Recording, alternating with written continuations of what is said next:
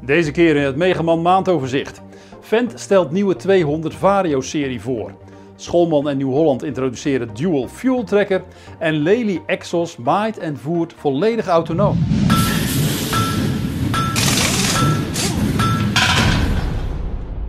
De Duitse trekkerbouwer Fendt komt met een nieuwe generatie van de 200 Vario-serie. De trekker is er in vijf modellen en ieder model is leverbaar als smalspoor- en breedspoorversie. De trekkers uit de 200 Vario-serie hebben een maximumvermogen van 58 tot 91 kW. Dat is 79 tot 124 pk. De achteras, transmissie en vooras zijn gelijk aan de oude 200 Vario. De cabine is ruimer dan voorheen. Fendt monteren namelijk een nieuw cabineframe met 4 in plaats van 6 stijlen. De voorruit is licht gebogen en er is een dakraam gemonteerd. Meest opvallend zijn de twee nieuwe monitoren in de trekker. Die zijn onderdeel van Fendt One, het bedieningsconcept dat Fendt vorig jaar op de trekkers uit de 300 en de 700 serie introduceerde.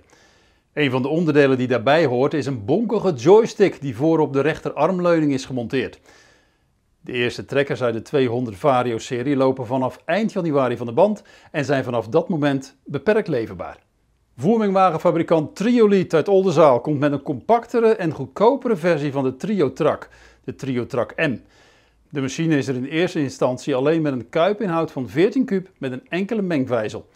Er zijn twee uitdoseervarianten mogelijk, losdeuren of een dwars afvoerband.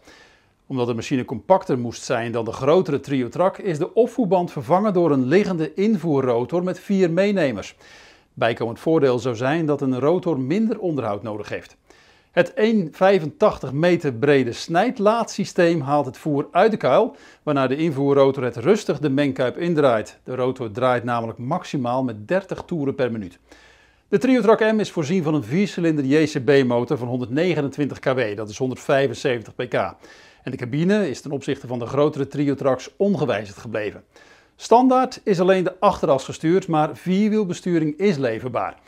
Maximaal rijdt de Trio 40 km per uur. Hij kost 179.000 euro. Dat is fors goedkoper dan de huidige Trio maar duurder dan de Smart Maar die verdwijnt uit Triolits leveringsprogramma. Aannemingsbedrijf Jos Scholman uit Nieuwegein heeft samen met Nieuw-Holland een trekker gebouwd die op een mengsel van waterstof en diesel loopt. Het moet de emissie van CO2 met minstens 40 en maximaal 65% terugdringen. De Nieuw-Holland T540 autocommand is nog steeds voorzien van een standaard dieselmotor. En op het dak liggen vijf stalen waterstoftanks die onder een druk van 350 bar 11,5 kilogram waterstof bevatten. Het gas wordt tijdens het rijden met 8 bar via de luchtinlaat en het inlaatspruitstuk in de motor gebracht. En zo aan het mengsel van diesel en lucht toegevoegd. Er kan maximaal 65% waterstof aan het totale brandstofmengsel toegevoegd worden om dezelfde motorkarakteristiek te behouden die de FPT dieselmotor van huis uit al heeft.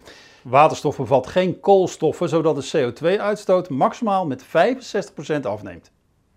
Zometeen beelden van de nieuwe maai- en voerrobot van Lely.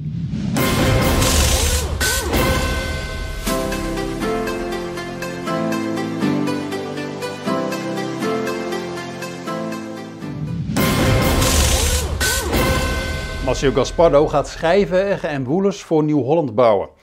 De producten in de blauwe Nieuw-Holland kleur worden verkocht onder de naam Nieuw-Holland en zijn vanaf 2021 verkrijgbaar. Extend, de precisielandbouwdivisie van CNH Industrial, heeft in samenwerking met Zasso de XPU ontwikkeld. Deze kleine onkruidbestrijder, die onkruid op verhardingen elektrocuteert, werd al in 2017 getoond. Het definitieve model is nu eindelijk gereed. De trekker van de Arnhemse machinefabrikant H2 Truck krijgt de naam EOX. Dat maakte Paul en Peter Jan van Ham bekend in de podcastserie In Productie van Landbouwmechanisatie. Volgend jaar willen zij nog zeven diesel-elektrische trekkers bouwen. De productie van een waterstoftrekker stellen ze nog even uit. En dan nog dit. Machinefabrikant Lely introduceerde de Exos. Een robot die gras maait, opraapt en het voor de koeien brengt. De Exos werkt volledig autonoom. De machine kan dag en nacht zijn werk doen en meerdere porties gras per dag naar de stal brengen, waardoor bijvoorbeeld broei tot het minimum beperkt blijft. De Exos wordt elektrisch aangedreven en is volgens de fabrikant licht, zodat de machine ook op minder draagkrachtige percelen uit de voet kan. Het gras wordt gemaaid en komt via een brede elevator in de laadbak. De Exos kan na het maaien direct een vloeibare meststof toedienen. Volgens de fabrikant zit de machine nog in de ontwikkelingsfase en duurt dan ook nog wel even voor hij te koop is. Tot zover de maand van Megaman. Meer nieuws leest u op megaman.nl en in de vakbladen Landbouwmechanisatie, Veehouderijtechniek en Tuin- en Parktechniek.